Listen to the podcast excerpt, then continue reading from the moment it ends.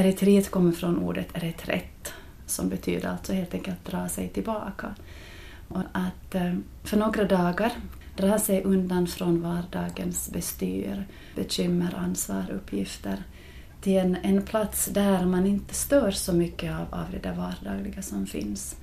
Men också i en tystare omgivning där det inte finns TV, inte radio. Dystra rapporter om miljöns tillstånd och stater som drar sig ur överenskomna klimatavtal triggar klimatångest, det vill säga den oro, ångest och rädsla som klimatförändringen väcker. I den här poddserien tar vi upp exempel på hur vi tillsammans kan bygga en hållbar värld. Att dela hoppet med varandra och använda det som drivkraft i vår strävan efter en bättre värld. Välkommen till Ekofasta-podden.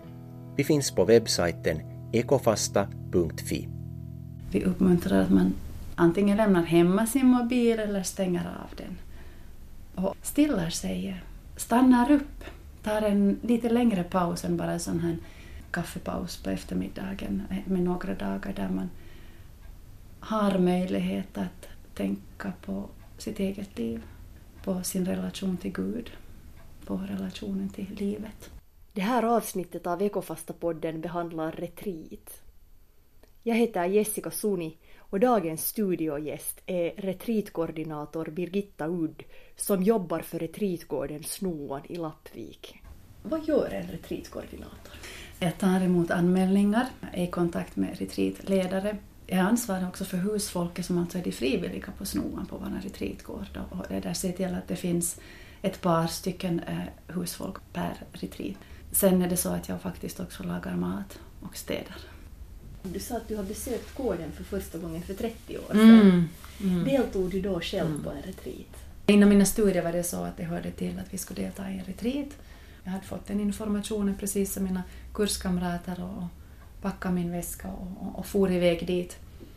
Och eh, blev nog fast genast första gången. Och det är som sagt var då eh, drygt 30 år sedan som jag var första gången där på min första retreat. Och genom årens lopp har jag då varit på retreater och också fungerat som husfolk och fungerat som värdinna.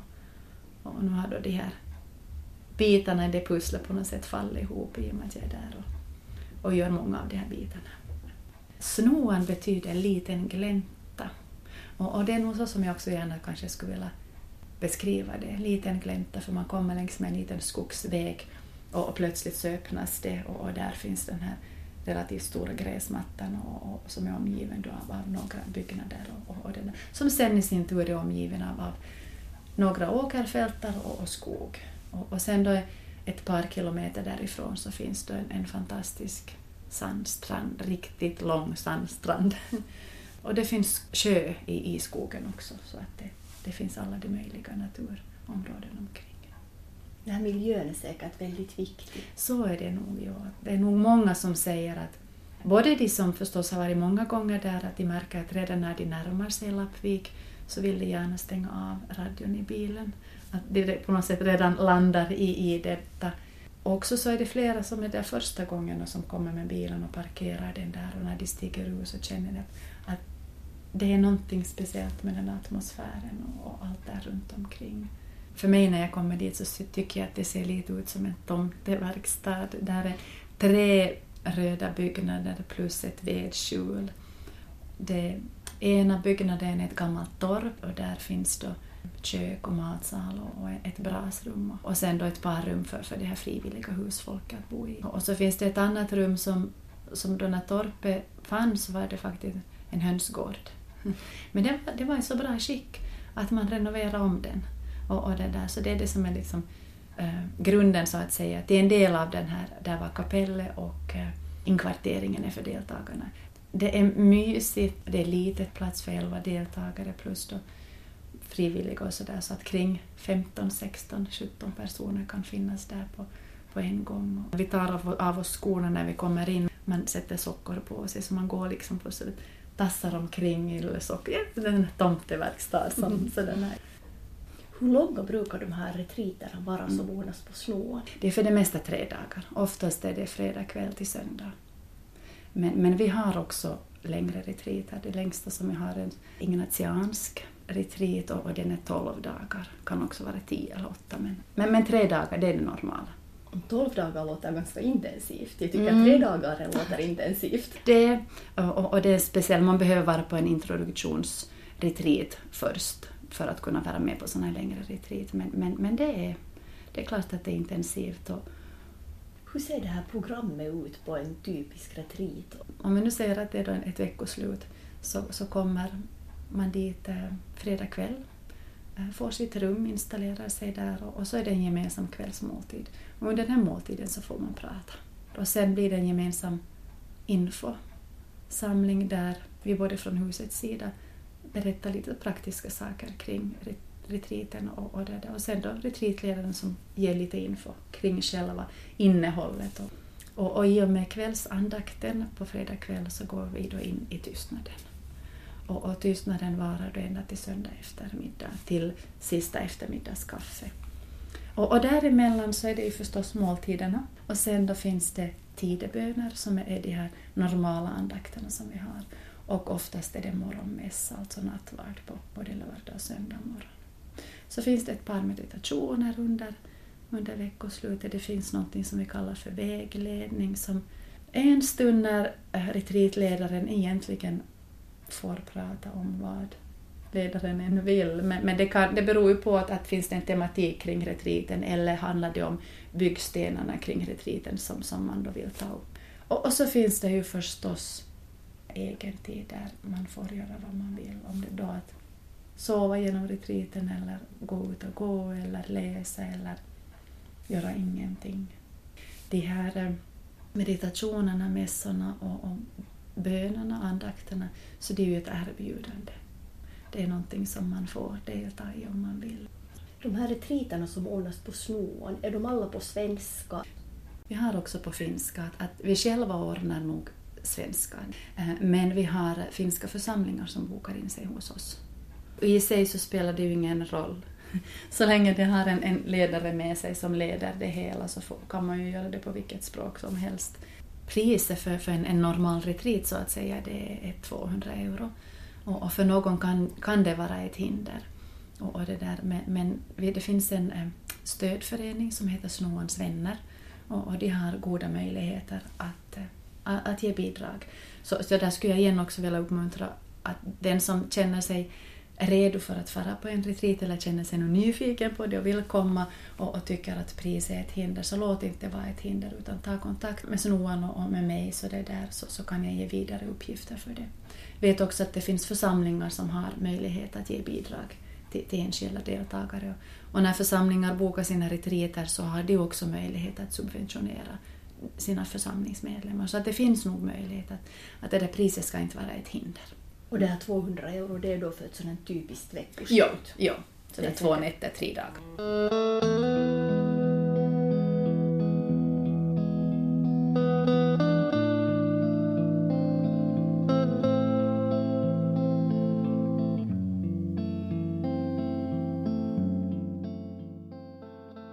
Att vara tyst så tänker ju många att hmm, det där klarar jag inte av. Men jag tror inte att det är kanske egentligen i sig det där att vara tyst som, som är det där svåra, utan det är vad som händer i tystnaden, vad man möter. Och det är ju förstås det jag menar när vi träffar, träffar varandra, det är normala att vi pratar, frågar hur har du det, vad gör du, hur mår du och, och så vidare. Och så plötsligt finnas i ett sammanhang där vi inte behöver göra det. Till och med ska lämna det bort. Så, så det är ju mm, det är ovant för många av oss tänker jag. Det har du säkert rätt i. Och sen när man tänker på det att hur vanligt det är att man fyller sin fritid mm. med mm. ljud. Ja. Många människor så gör på det viset när de kommer hem att de sätter på TVn. Stämmer, för att ha ett ljud i bakgrunden. Ja. För att man är så van vid att ja. det alltid är ljud omkring en. Och man känner sig kanske ensam om man inte har det där ljudet. Mm. Och samtidigt, om, om du prövar när du kommer hem att inte sätta på något, ingenting radio, TV, ingenting och sätter dig ner fast i soffan så finns det mycket ljud omkring. Och man blir ju alert på ett annat sätt. Det blir man ju förstås. Bor man i storstan och går omkring i stan så det är klart att där är mera ljud än om man är ute på landsbygden, men nog finns där ju också. Och, och sen om vi talar om, om annat än ljud, och om ens tankar och det som pågår i ens inre, så det, det kommer ju upp till ytan. Jag har förstått att på sådana här retriter, när man, när man är där i tystnad och ensamhet och det kommer upp sådana tankar, så finns det ändå en möjlighet, om man känner behov av att tala med någon mm. av de här mm. ledarna. För det är ju helt mm. förståeligt att det kan hända att det stiger upp ganska svåra tankar också. Så är det, och det finns alltid en, en retreatledare som man kan vända sig till. Då handlar det ju inte om Eh, Eh, något terapisamtal. För någon kan det handla om att bara lyssna till sin egen röst efter att man ett halvt dygn har varit tyst och man, man är van på något sätt antingen att höra sig själv eller så då att höra radion eller andra människor och plötsligt så, så hör jag bara mitt inre och mina tankar och det kommer fram. Så att, eh, det kan vara väldigt, väldigt viktigt för någon. Det kan, men det kan också handla just om att få höra min röst och, och få säga att mm, vad var det där riktigt? och så, ah, okej, okay, jag kan fortfarande prata, det är okej okay att jag kan gå tillbaka i tystnaden. Och, och, för någon annan kan det vara så att det är väldigt svåra tankar som kommer upp och, och då har man möjlighet att ändå att lite vidröra dem för att, att kanske få hjälp med att, att hur går man vidare med det sen när man kommer hem och, och så. På de här långa retreaterna så då, då ska man gå till, till samtal, då har man en, en så kallad andlig vägledare så man har inbokat ett samtal varje dag. Och det behöver man ju nog om man är då åtta eller tolv dagar på i tyst retreat. Hur populära brukar de här retreaterna vara? Mm. Jag började jobba på Snoan för ett och ett halvt år sedan så här mera liksom som retreatkoordinator. Men jag tycker redan på den tiden att det har ökat i, deltagarantalet och, och antal retreater som har, har kommit. Vi har möjlighet att ta emot elva deltagare men, men det finns i, i Finland till och med lite mindre retreatgårdar än vår. Men man skulle tänka sig att om det är väldigt många, om det är hundra personer, mm. så är det lite överväldigande kanske. Man får nog inte den samma tystnaden, eh, stillheten med, med så många människor. Jag kan ännu tänka mig kanske 16-20 personer. Har du någon koll på var det finns retreatgårdar? Det finns mera här i södra Finland, men en del församlingar ordnar också retreater på sina lägergårdar. Så även om det inte finns retreatgårdar överallt i Finland eller på många olika ställen så ordnas det retreater ändå. Det, det gör det. Eh, församlingar, om vi nu talar om kristna retreater så finns det församlingar som ordnar det. Vet du hur nytt eller gammalt det här fenomenet är? Snoan så är lite på 40 år. Vi hade för några år sedan 40-årsjubileum och vi är den äldsta retreatgården i Finland. Men vi kan ju nog gå tillbaka längre, mycket längre tillbaka. Tar du det här med att, att, att gå undan och stilla sig, så, så det där det fanns i Tyskland, det fanns i Sverige före det. Då, um, Marga Ahlqvist, som, som är den som är grundare till, till Snoan, så hon var då bekanta sig med en del retreatgårdar i bland annat Tyskland och Sverige och som då fanns redan länge före det. Så inte är det på det sättet någonting som är nytt nu, men jag tror i, i det samhälle som vi lever i just nu och kanske de senaste fem åren så har det här med retreat och eh, yoga, meditation har, har blivit om jag nu använder det ordet populärt, men det är någonting som, eller jag, jag kanske inte skulle vilja säga, säga det för att en del kanske upplever att det är någon affärsbusiness kring det då och att det är någonting som kommer och går, men jag tror att på grund av det hektiska samhälle som vi lever i så tror jag att vi kanske pendeln håller på lite och svänger. Att människor nu har erfarenhet av att vara väldigt stressad och, och upptagen med mycket och också tyvärr mår dåligt och märker att, att nu måste vi stanna upp. Och jag tror att vi lever i en sån tid att det är för många som det här är viktigt och, det där kanske har gjort att det har blivit synligt också med, med, med kristna retreater. Du nämnde det här yoga. Mm. Jag funderar, vet du eller tror du att intresse för yoga och österländska regioner också har ökat intresse för sån här kristen mystik? Varför inte? Nu tänker jag det så. Jag menar, vi, vi människor rör oss mycket mer, vi reser mycket mer, vi, vi har möjlighet till information från många olika kanaler och, och det där. Det tror jag absolut att, att också är en, en del av det. Vilken typs människor deltar i retriter? Mm. Mm det är nog alla sorters människor. Det är både yngre och, och det är äldre. Det är män, det är kvinnor, det är personer som är, är församlingsorienterade och aktiva, men också sådana som inte är det. Jag får ibland nog förfrågan att måste man eller ska man vara kristen för att komma till snoan. Och det finns ingen stämpel på att man ska vara det ena eller det andra och det kommer nog olika sorters människor.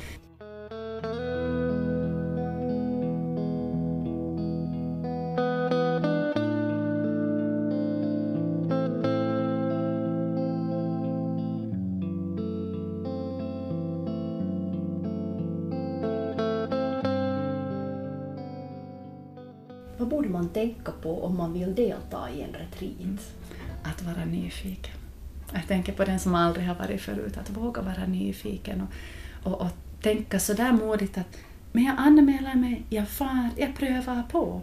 Och vad kan, då brukar jag tänka sådär när det är någonting nytt för mig själv, vad kan det värsta vara? Jo, att jag inte klarar av det. Okej, okay.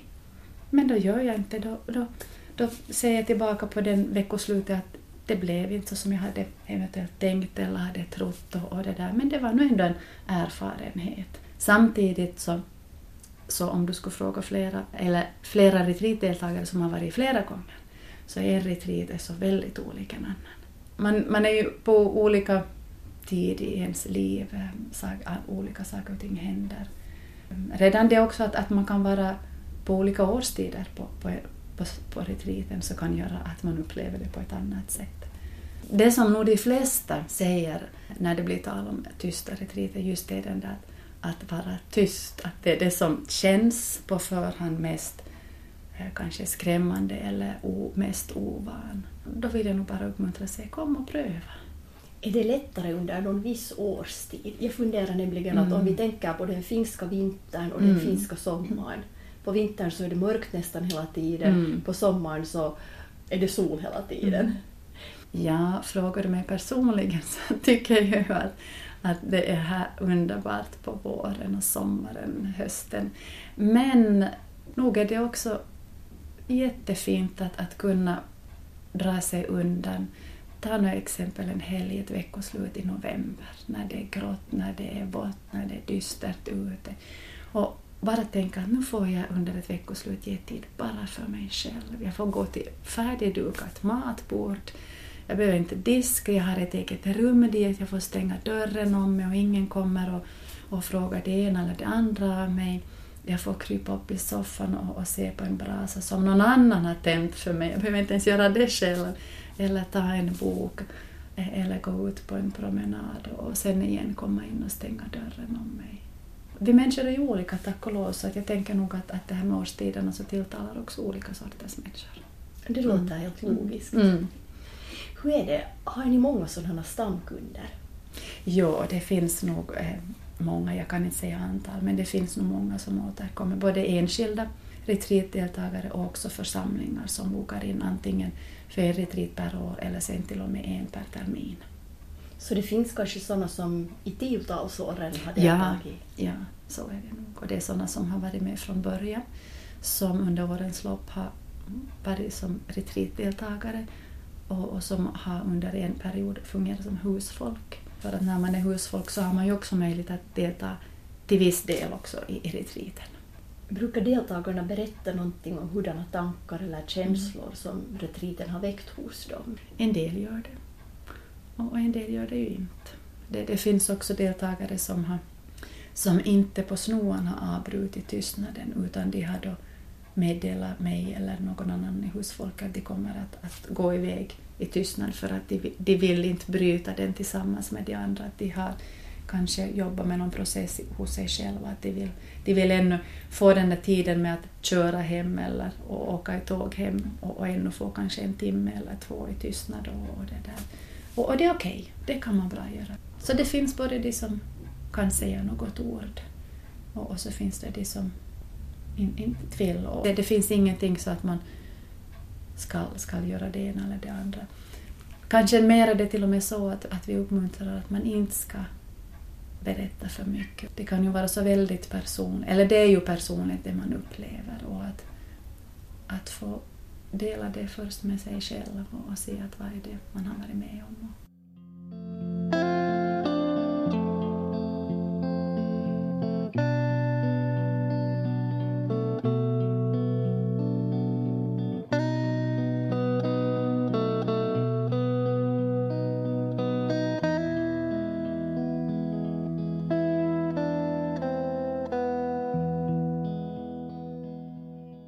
Nu ska vi lyssna på en insert med Ida Henriksson som har deltagit på retreat. Ja, det var redan för några år sedan ett sånt här silent retreat, tyst retreat. Det var i Borgo, finska församlingen i Borgo som ordnade.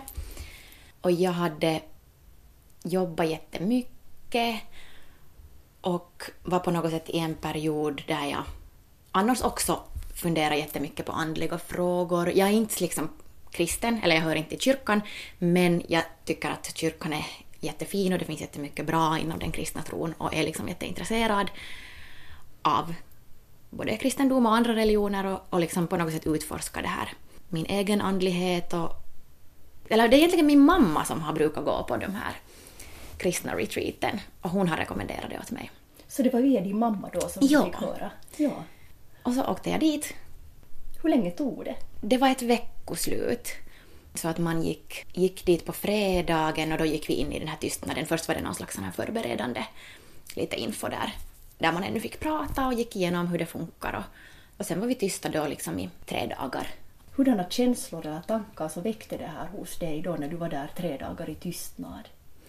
No, jag var ganska rädd för den där tystnaden för att just att jag var inne i en sån ganska hektisk period och var lite rädd för att lyssna på mina egna tankar. Men sen samtidigt så kände jag att, att jag behöver just någonting sånt här, lite yttre hjälp för att på riktigt kunna lugna mig och hitta, connecta med de djupare sidorna och andliga sidorna av mig själv och universum.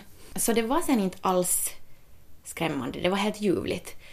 Man stänger av telefonen helt och hållet och man fick inte liksom ha någon kontakt heller med vilket var också jättebra. Säkert ännu mera idag skulle, skulle jag behöva det, sån här sommarfasta också. Så det var jättehälsosamt. Och sen till exempel maten blev jättespeciell, de här matstunderna, när vi alla samlades för att äta. Man fick alltså mat där på det här stället också. Det var ett ställe där i Borgå och skärgård, och man var omringad av alldeles underbar natur. Och sen de här, de här liksom måltiderna. Att sitta med andra människor och äta, men under tystnad. Så man var ändå på något sätt ganska för sig själv där. De hade lite musik som spelade i bakgrunden så att inte de smackande lätena skulle bli liksom förstörande. Men att man fick koncentrera sig på den här maten och jag fick ljuvlig vegetarisk mat. Och vissa tider på dygnet var det alltid olika bönestunder och olika grejer som vi samlades tillsammans. För mig var det jättebra. Speciellt liksom morgonbönen och kvällsbönen. För att lite få struktur, att annars skulle det kanske ha känts ganska långt det här sjoket. För det kan ju komma upp också sådana inte så trevliga tankar där när man är tyst för sig själv och i sitt huvud. Så det, det hjälpte mig jättemycket. Och alla deltog då i de här gemensamma stunderna? No, alla deltog inte i allt. De flesta deltog nog i det mesta, men jag var där till exempel med en vän som, som var på samma retreat och han tyckte igen att han behövde mera liksom total ensamhet. Så att, att för honom var det tvärtom, att han tyckte att det var lite kanske jobbigt att det fanns så många sådana här programpunkter. Men att det var bra att man behövde då inte, man kunde välja bort om man inte ville delta i allting. Men det där är ju jättefint att man kan liksom justera enligt sitt eget behov. Precis. Och just det där att, att på något sätt, det känns att idag så när all sån här andlighet och speciellt nyandlighet är så trendigt och att jättemånga liksom söker efter meningen med livet via liksom olika andliga övningar och, men att man ofta romantiserar och tittar liksom österut och mot liksom buddhismen eller hinduismen eller de här liksom stora asiatiska och yoga och allting och jag är också superintresserad av det. Men att man inte liksom alltid behöver åka till Asien för att fara på ett retreat. Utan att faktiskt i vår kultur finns det ju också de här elementen som uppmuntrar till sånt här. Och att i kristendomen finns det precis lika mycket möjligheter att utforska sitt eget förhållande till det gudomliga. Att det tycker jag var roligt att märka. Ja, det är kanske så att sån här kristen mystik ganska lätt glöms bort i sådana lutherska kretsar åtminstone. Exakt vi har skrattat mycket med mina kompisar åt Luther, liksom att äsch, måste Luther komma och förstöra allting? men det är nu kanske inte helt så enkelt heller, men, men kanske det börjar komma lite mer också, sån här, den här, och alla liksom Maria-myter och allt sånt som som kanske lite har glömts bort. Det är ju många som har brukat åka till kloster och fira påsken eller stanna där ett veckoslut. Inom ortodoxin så finns ju den här mystiken. Jag ser kanske lite paralleller. Eller det låter, det här du berättar om retriten tycker jag låter lite liknande som de här erfarenheterna jag har hört från de här klostren. Att just det där med, med tystnad och sen en slags enkelhet. Vilken årstid var det som du Det var på hösten och det var, nog, det var på en sån här lägergård. Ja. Så där fanns nog liksom alla elektricitet och allting och som sagt vi fick jättegod mat och det var på ett vackert ställe mitt i naturen så jag tog mycket långa promenader i, i höstnaturen. Och, men nu var det ju ganska sådär enkla rum, men man, man hade ett eget rum så att man sov liksom för sig själv. Jag kommer ihåg att jag hade tagit med en massa grejer liksom för att jag tänkte att inte böcker för att det tänkte jag att det är för distraherande att då är man ändå liksom inne i någon annan verklighet. Men jag hade tagit med vattenfärger så att jag skulle måla och, och liksom alltså, block och sånt, att jag kunde skriva egna grejer. Men att jag gjorde inte sen ändå så mycket. Jag, låg på min, jag hade min spikmatta med, att den låg jag på mycket och jag sov helt jättebra där i det där lilla rummet. Plus sen när vi gick i bastun, att gå i bastun liksom med en massa kvinnor som jag inte kände och sitta där naken liksom i tystnad. Det var också jättespeciellt och fint. Var ni många som deltog på den här retriten? Skulle det ha varit kanske 20 stycken? Eh, Du vet ju förstås hur de såg ut, men vet du någonting annat om de här som deltog? Inte så mycket, vilket var jätteskönt. Jag hörde till de yngsta. Jag var då kanske något lite på 25. Det var mest lite äldre eller medelålders kvinnor. Men också några män. Så det var nog ganska stor spridning. Men det var jätteskönt att man inte visste liksom vad de andra jobbar med eller vilken samhällsklass de tillhör eller vad de har för värderingar sådär överlag. Utom att man delar liksom det här intresset för att vara i den stunden och hitta liksom det. Jo, det kan jag tänka mig, för det är just det där att ofta när man deltar i något socialt evenemang så är man där ganska mycket via kanske sin titel, via sitt arbete. Det är ju det man alltid först frågar. Ah, vad, vad jobbar du med? Ja, Att tänk om man, skulle, om man skalar bort det, så vem är man liksom då och hur? Så det var nog fint. och jag tycker på något vis den här bastujämförelsen låter ganska bra också för att det visar ju precis hur avskalad man är. Mm. Och man kommer ju dit till retriter på sätt och vis som en avskalad form av sig själv. Ja. Och sen när man lämnar bort språket, när man är där i tystnad, så ger det ju en, en sån här dimension till. De som ledde det här retreatet talar ju sen ändå under de här bönestunderna och andra de här ledda grejerna. Så att jag funderar bara att hur det skulle vara sen om man inte skulle ha ens de grejerna, att det där språket skulle helt tas bort. Det skulle kunna vara ganska intressant också. Mm. Fast då är man kanske just också mera borttappad, att då är det lätt att man... Kanske sen när man har övat sig tillräckligt mycket på det där så skulle man kunna göra en sån här lite mera extrem version. HC. Ja. Här var ni ju många som deltog. Att det fanns en slags gemenskap fast ni inte kanske på det viset umgicks. Eller jag vet inte, kanske folk också umgicks i, umgicks i tystnad, gick på promenader tillsammans eller någonting. Mm, det kan hända. Jag tyckte att det var just skönt att man inte behövde umgås och jag undvek också ögonkontakt med andra. Och jag tror att många gjorde det. För det, det blir sen plötsligt jättestarkt om du har varit helt i din egen värld och sen plötsligt möter du en annan människa. Så det var helt skönt att promenera omkring där för sig själv och inte, inte liksom, eh, inte ens ha det här, det där förväntningen att man borde ta kontakt, att det var helt fine att inte interagera med de Ja. andra. Jag kan föreställa mig, för på något vis så blir det ju jättepersonligt när man inte annars kommunicerar och man sen börjar kommunicera med ögonen. Det är nästan som att fuska, inte kanske riktigt men lite sådär att för man kommu- kommunicerar ju ändå på något vis när man Exakt. ser den andra i ögonen. Sant.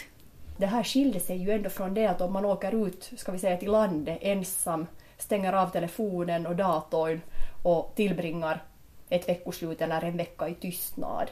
Det skilde sig ju ändå från det på det viset att, att ni hade den här gemenskapen eller den här gruppen och det fanns en sån här möjlighet. Man kunde ju, jag menar att om någon skulle ha fått, ska vi säga, sjukanfall eller någonting annat, om, om man skulle ha varit tvungen att tala så fanns ju den här möjligheten att avbryta. Man kunde säkert avbryta när som helst. Absolut, och de här ledarna poängterar jättemycket där i början att, att om det börjar kännas jobbigt eller om det kommer för svåra tankar så kan man gå och prata med dem och att de hade också en sån här möjlighet att liksom en slags terapistund eller vad man nu ska kalla det, att, att gå igenom tillsammans och, och, och liksom uttrycka det också i ord, det som möjligen då skaver eller känns tungt. Jag behövde som tur inte använda mig av det, men det var skönt att också veta att det skulle ha varit okej. Okay. Jo, säkert är att bara den här vetskapen om att det finns en sån möjlighet så kan ju också göra det lättare att genomföra hela den här den här, jag tänkte säga tystnadsfastan, men det är ju mm. lite som en tystnadsfasta, är det mm. inte? Den Sant. här retriten. Sant, en fasta från, från det sociala. sociala och... Vilken typ människor så skulle du rekommendera retriter för?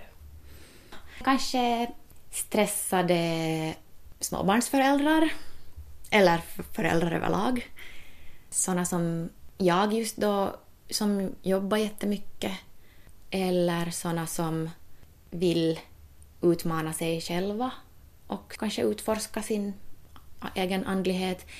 Jag tycker inte att man behöver tro på någon viss gud för att göra det. Det här är ju ett sätt att få kanske sådana som har lämnat kyrkan att bli intresserade på nytt. Precis, och så funkar det för mig. Att det var absolut en jättepositiv grej. Inte var det ju sen en sådär magisk förändring direkt i mitt liv. Eller klart att det påverkade då jättemycket. Jag fick åtminstone ett veckoslut av liksom ro i själen. Men att de där påverkningarna kan också ske liksom på lång sikt på något sätt. Jag märker att jag fortfarande tänker tillbaka på vissa grejer som, som kom upp där och, och nu när vi pratar det så blir jag alldeles sådär lugn och harmonisk på något sätt att det väckte mycket som sen har fått fortsätta gro i mitt sökande om hur jag förhåller mig till livet och universum och Gud och tro och så vidare. Så frön såddes där på retriten? Många frön, så, ja.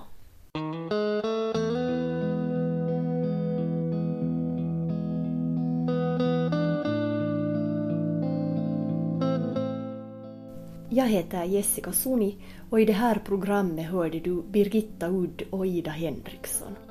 Du har lyssnat på Ekofasta-podden. Ekofastan ordnas av Evangelisk-Lutherska kyrkan i samarbete med Finlands svenska Martaförbund, Finska missionssällskapet och domkapitlet i Borgå stift. Temat är Med hopp som drivkraft.